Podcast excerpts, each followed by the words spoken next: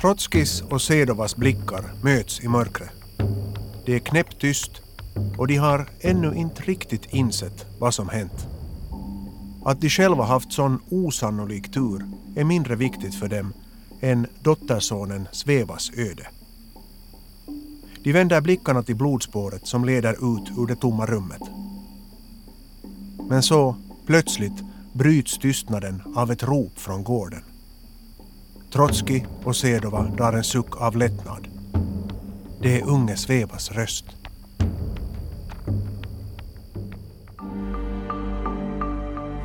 Jag heter Johan Ekman och det här är sista avsnittet i serien Mordet på Trotski. Trotski har med nöd och näppe klarat livhanken efter att 20 män brutit sig in på hans gård och med maskingevär skjutit mot hans sovrumsfönster. Men i det här avsnittet kommer Stalins agenter ikapp honom.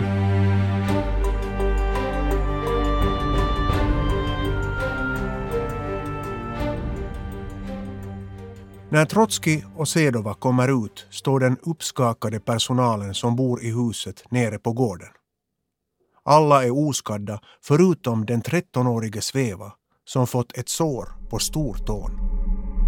Sveva har trott att farföräldrarna är döda och snabbt flytt rummet. I den villervallan har han också slagit sin tå. I det allmänna kaoset har ingen kommit på tanken att ta reda på vad som hänt vakterna utanför muren. Trotski rusar ut genom porten och finner vakterna bakbundna.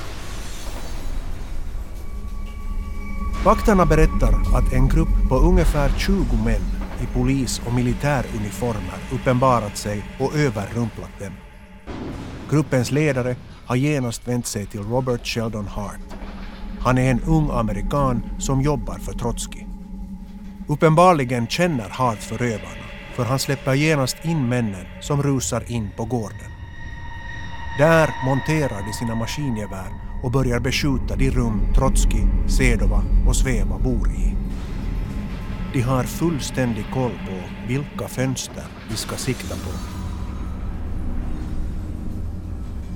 Efter att ha avfyrat 200 skott mot fönstren kastar gärningsmännen ännu några handgranater mot huset och flyr. De hoppar in i två bilar som stått parkerade utanför huset på gatan. De verkar säkra på att de lyckats med sitt uppsåt. I samband med flykten leder de en protesterande Hart med sig och motar in honom i bilen. Vakterna är fortfarande i chock. De flesta av dem är oerfarna ynglingar med föga erfarenhet av strid. Medan de går igenom händelserna uppenbarar sig chefen för Mexikos hemliga polis, överste Salazar, på gården. Trotski går och möter honom. Salazar blir överraskad av hur lugn Trotski verkar. Salazar själv är veteran från det mexikanska inbördeskriget. Han har sett ett och annat, men aldrig har han träffat någon som uppträtt så lugnt efter att ha utsatts för fiendeeld. Ännu mer perplex blir han när Trotskij skämtar om hur lustigt det är att Stalin, en av världens mäktigaste män, inte förmår att ta livet av ett gammalt par som gömmer sig under sängen. Detektiven går upp till sovrummet och ser sig omkring. Han räknar till 73 kulhål i väggen precis ovanför sängen. Det är ett under att inte ett enda skott träffat. Trots att Salazar är allt annat än kommunist har han personligen inte något otalt med Trotskij. Men han tror inte på Trotskijs hypotes att det är Stalin och dennes säkerhetstjänst som ligger bakom mordförsöket. Mer sannolikt är det att attentatet planerats och genomförts av någon från Trotskis eget läger, tänker han. Hans misstankar ökar när han hör om Robert Sheldon Harts roll under nattens händelser. Den 25-årige Hart är född i en borgerlig judisk familj i Brooklyn, New York. Föräldrarna Jesse och Jesse är barn till migranter från Tyskland och Belgien som arbetat upp sig och byggt en förmögenhet inom silkesproduktion. Sheldons pappa är bekant med FBI-chefen J. Edgar Hoover som är en svuren antikommunist. Senare kommer pappan ofta att säga att han motsatt sig sonens radikala politik. Sheldon har tidigt blivit både antifascist och marxist. Han drivs av ett starkt jämlikhetspatos och vid universitetet är han känd för att högljutt protestera mot kvoter som begränsar antalet judiska studeranden.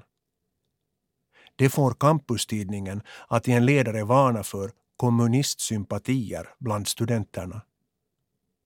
Senare går Harts dröm i uppfyllelse när han blir vald av det amerikanska trotskistpartiet att jobba som sekreterare åt självaste Trotskij. Salazar låter snart arrestera två personer från Trotskijs sekretariat. Då blir Trotskij rasande och protesterar till Mexikos president Cardenas som ger order om att frige fångarna. Trotskij är också säker på att Hart är oskyldig. Om Hart hade velat ta livet av honom kunde han ha gjort det när som helst, till exempel genom att hugga en kniv i ryggen på honom, menar Trotskij. Han vidhåller också fortfarande att det är organiserade stalinister som ligger bakom attentatet. Samtidigt börjar den kommunistiska pressen i Mexiko insinuera att Trotskij själv iscensatt attacken, bara för att kunna svartmåla Stalin. Spåren leder ändå snart till de mexikanska kommunisterna. Snart får Salazar veta att attentatet planerats av konstnären och stalinisten David Alfaro Siqueiros. I polisförhören kommer Siqueiros att hävda att han bara ville komma åt Trotskis arkiv. Siqueiros frikänns och han flyr till Kuba. Där får han leva som en fri man i resten av sitt liv.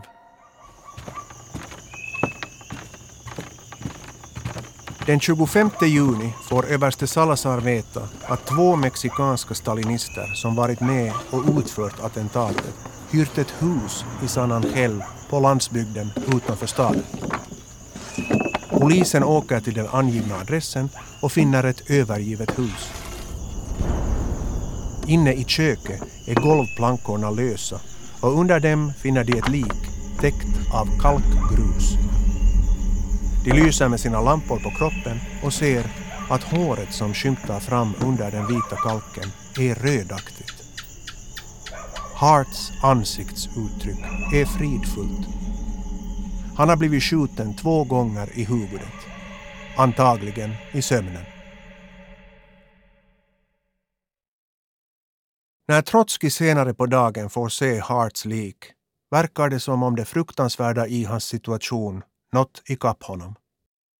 Överste Salazar har antecknat scenen i sin dagbok. Den gamla exilryssen närmade sig kroppen. Han såg ledsen och deprimerad ut. Han stod länge där och betraktade sin före detta sekreterare. Hans ögon var fyllda av tårar. Mannen som lett en stor revolution, överlevt flera strider, bevittnat vänner och familjemedlemmar försvinna en efter en. Som inte berörts av ett våldsamt attentat som nästan tagit livet av honom, hans fru och barnbarn. Grät nu i tysthet. Hart är den åttonde av Trotskijs sekreterare som Stalin mördat.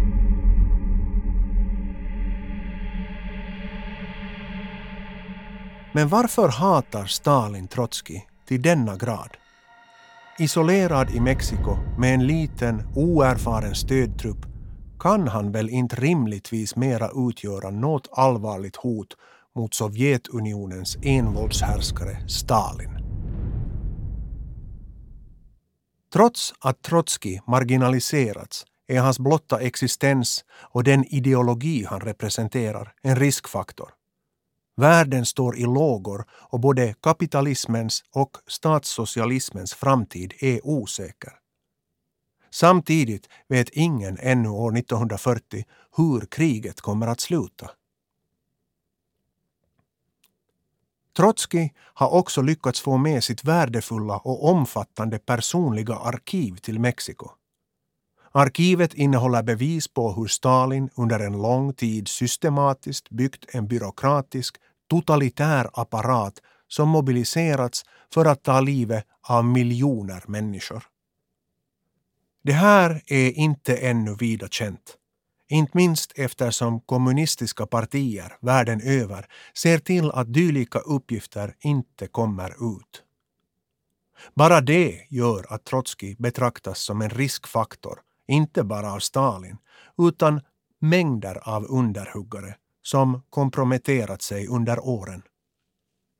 Men Stalins motiv verkar gå djupare än det rent politiska. Antagligen hatar han också honom.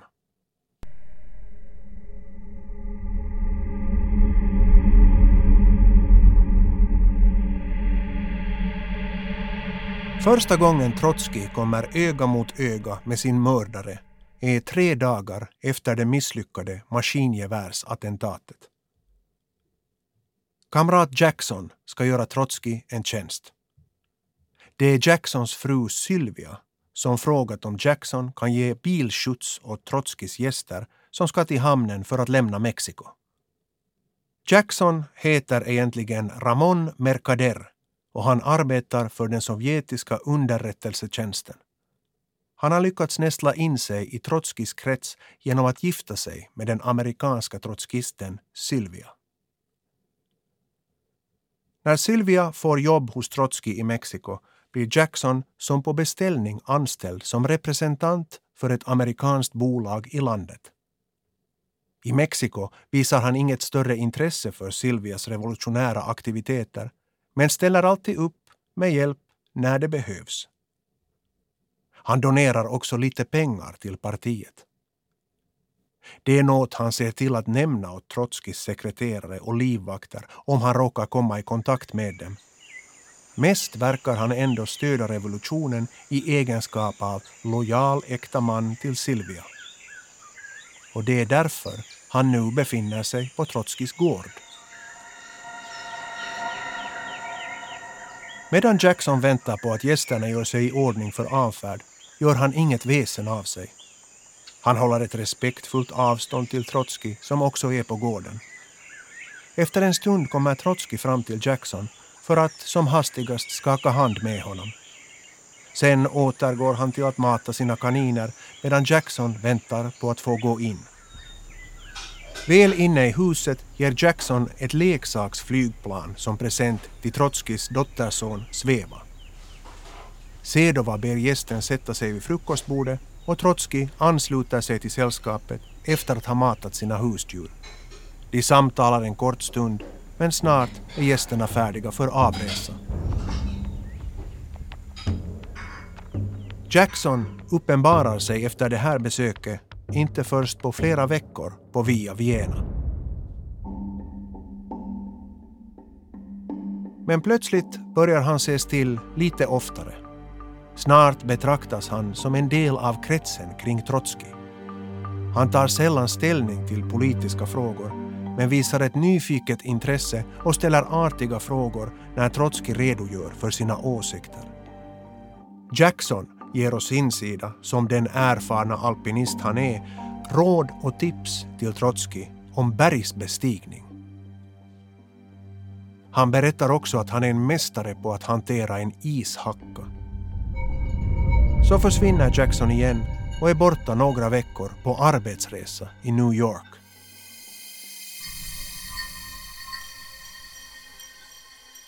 Sylvia blir bekymrad när hennes man återvänder från New York. Jackson verkar illamående och förblir sängliggande i flera dagar. Men plötsligt ändrar han sitt beteende och blir istället överdrivet godmodig. Jackson är också nu mer intresserad av politik än tidigare. Silvia blir förvånad när han börjar tala om hur han med hjälp av sin insatta och intelligenta chef kunde hjälpa partiet spekulera i aktier så att partiet kan komma ur sina ekonomiska trångmål. Jackson nämner möjligheten åt Trotskij en kväll då han med Silvia är hemma hos Trotskij på middag. Trotskij blir då plötsligt på sin vakt. Under sin tid som revolutionär har Trotskij ofta märkt att ett tecken på att en provokatör försöker infiltrera sig är att denne är lite för entusiastisk. Och det är sällan en nykomling till en rörelse som plötsligt säger sig kunna erbjuda stora pengar utan att kräva motprestationer. Efter middagen frågar Trotskij sin nya sekreterare Joseph Hansen vem den här mystiske Jackson, som nu plötsligt vill agera välgörare, egentligen är.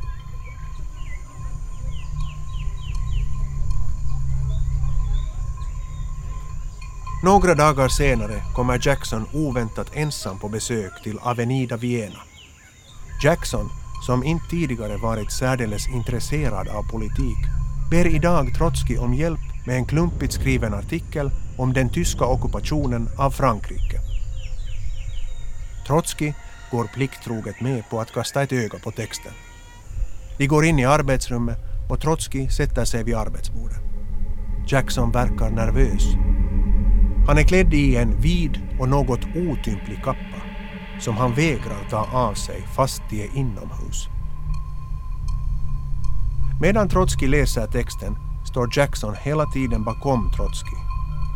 Det här får Trotskij att känna sig illa till mods.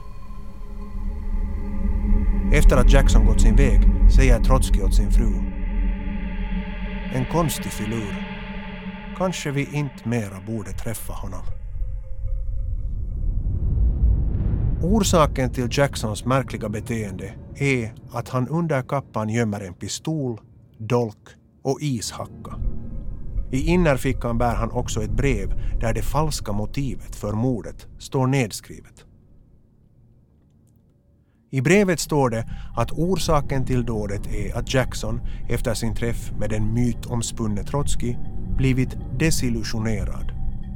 Han säger sig ha bevittnat hur Trotskij förrått kommunismen genom att sluta förbund med imperialistiska agenter. Trotskij har också, skriver Jackson, aktivt konspirerat för att låta lönnmörda Stalin. Till slut har Jackson inte funnit någon annan råd än att slå ihjäl Trotskij. Allt det här berättar Jackson senare också i polisförhören.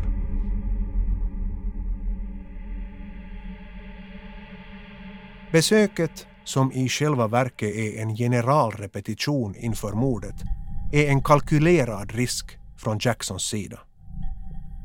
Men som det proffs han är vet han att minutiöst planerande är A och O för att ett lönnmord ska lyckas.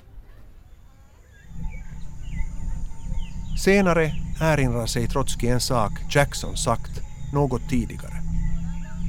De har befunnit sig på gården och tittat på de förstärkta murarna och övervakningstornet som upprättats för att bättre skydda Trotskij mot attentat. Då har Jackson låtit undslippa en märklig kommentar. Nästa gång kommer de nog att använda sig av helt andra metoder, säger han. Han vill inte utveckla resonemanget vidare, utan byter samtalsämne. Men Trotskij är isolerad och är inte benägen att kapa av kontakten så där bara med dem som ännu vill stödja hans kamp. Han beslutar för att begrunda fallet Jackson ännu ett tag innan han fattar beslut. Jackson är kanske inte den briljantaste av kamrater, tänker Trotskij. Men ett parti måste alltid rymma ett visst antal udda personer.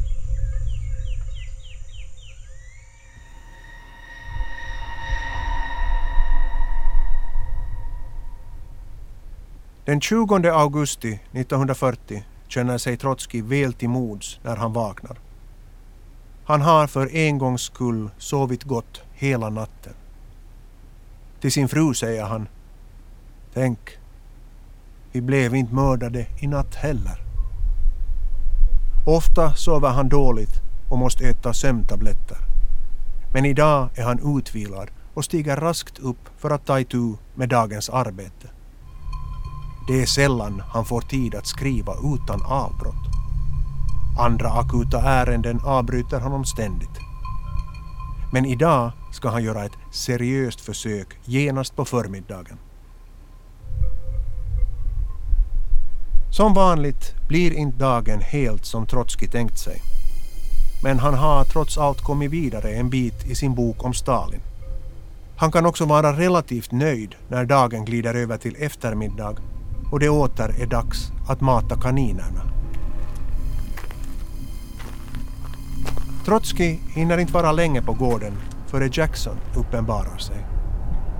Egentligen har Trotskij inte någon lust att ögna igenom revideringarna Jackson gjort till sin usla artikel.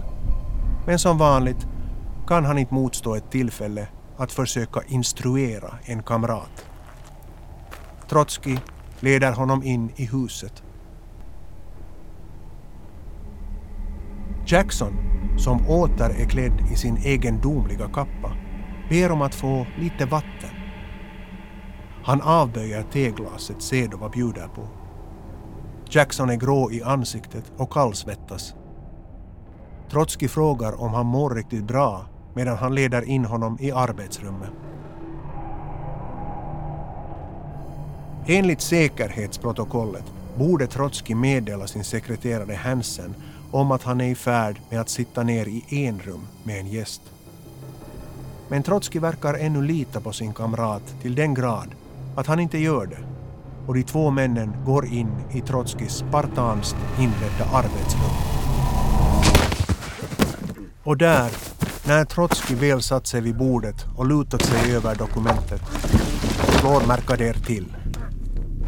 Han hugger Trotskij bakifrån i huvudet med en ishacka. Det spetsiga vapnet tränger igenom skallbenet in i offrets hjärna. Trots den allvarliga skadan kämpar den 60-årige revolutionären mot döden in i det sista.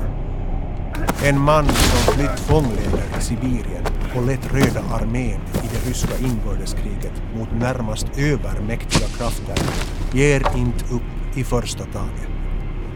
Trotskij lyckas brotta ner Mercader och tar sig ut ur rummet.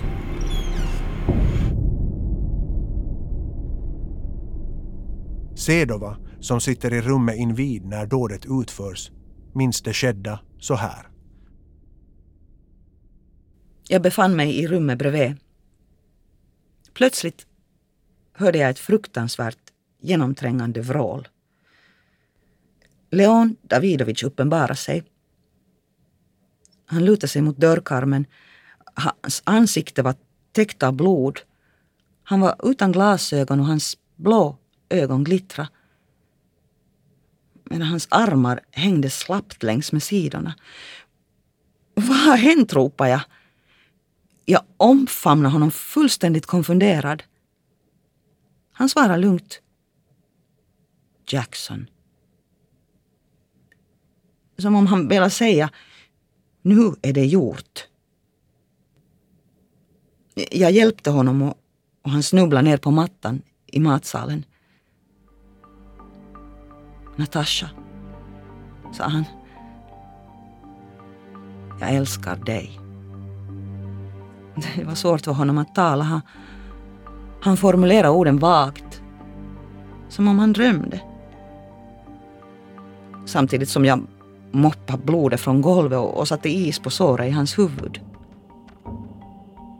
Medan den blödande Trotskij kollapsar rusar livvakterna som hör tumultet in och övermannar mördaren. Jackson står kvar i rummet som förstenad med en pistol i handen. De har tagit min mamma, säger han liksom som förklaring för sitt dåd. Ett av de många motiv han uppger är att Stalin fängslat hans mor och använder det för att utpressa honom till att utföra våldsdåd. Hansen försöker övertyga Trotskij om att såret är ytligt och att ingen akut fara föreligger. Men den halvt medvetslöse Trotskij har inte några illusioner. Nej, nej, säger han, pekar på sitt hjärta och fortsätter. Jag känner att det här är slutet. Ta hand om Natalia, säger han och kramar om hennes hand. Snart transporteras Trotskij i ilfart till sjukhuset. Utanför sjukhuset väntar redan en folkhop som fått nys om att något hänt. Läkaren konstaterar att såret i skallen är sju och en halv centimeter djupt. Sjuksköterskorna började klippa sönder hans kläder. Plötsligt sa han med klar men allvarlig röst. Jag vill inte att de klär av mig. Jag vill att du gör det. Det var hans sista ord till mig. Jag klädde av honom och tryckte mina läppar mot hans. Han kysste mig tillbaka en gång. Två gånger och en gång till. Sen förlorade han medvetandet.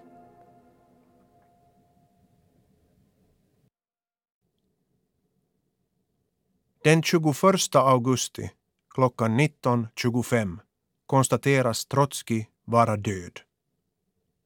Obduktionsrapporten noterar att offrets hjärna var av extraordinär storlek och hjärtat ovanligt stort. Trotskij har blivit en i ledet av de miljoner och miljoner döda som revolutionen skördat. Den 23 augusti har nyheten om Trotskijs mord rest över världen. I Helsingfors noterar Hufvudstadsbladet följande. Under tolv långa år jagades Leo Trotskij av sina oförsonliga fiender från land till land innan han nu till slut fallit offer för det attentat som ändat hans liv. Trotskij var en lysande talare en utomordentlig organisatör och en talangfull författare och har i en rad verk lämnat temperamentsfulla skildringar av olika skeden i den ryska revolutionsrörelsen. Trotskijs mördare, Ramon Mercader, tillbringade de följande 20 åren i fängelse i Mexiko. Där levde han enligt Trotskijs forne allierade, författaren Viktor Serge, i överdåd och utan begränsningar på sin personliga frihet, med plånboken full av pengar. Stalin tog aldrig offentligt på sig skulden av mordet, men förlenade Mercader Leninorden och efter att förövaren frigivits år 1961, långt efter Stalins död, utsågs han till hjälte av Sovjetunionen. Han med enorma intellektuella resurser. Samtidigt var han ibland hänsynslös och ofta självupptagen. Men också efter sin död har han inspirerat mängder av hängivna följare i väst som fortfarande idag hävdar att om Trotskij vunnit kampen mot Stalin så kunde Sovjets brutala historia ha skrivits om. Själv ansåg Trotskij att stalinismen var ett episodiskt återfall i revolutionens historia och var aldrig beredd att ifrågasätta Sovjet och kommunismen. Med största sannolikhet skulle en Sovjetunion ledd av Trotskij likväl ha inneburit brutalitet, död och totalitarism eftersom alternativet i det sammanhanget skulle ha varit att överge revolutionen och socialismen och det hade Trotskij knappast gått med på. Men samtidigt gav han sin tids förtryckta människor, oberoende av om de levde under tsarism, kapitalism eller statssocialism, orsak att ställa frågan är vårt förtryck faktiskt oundvikligt?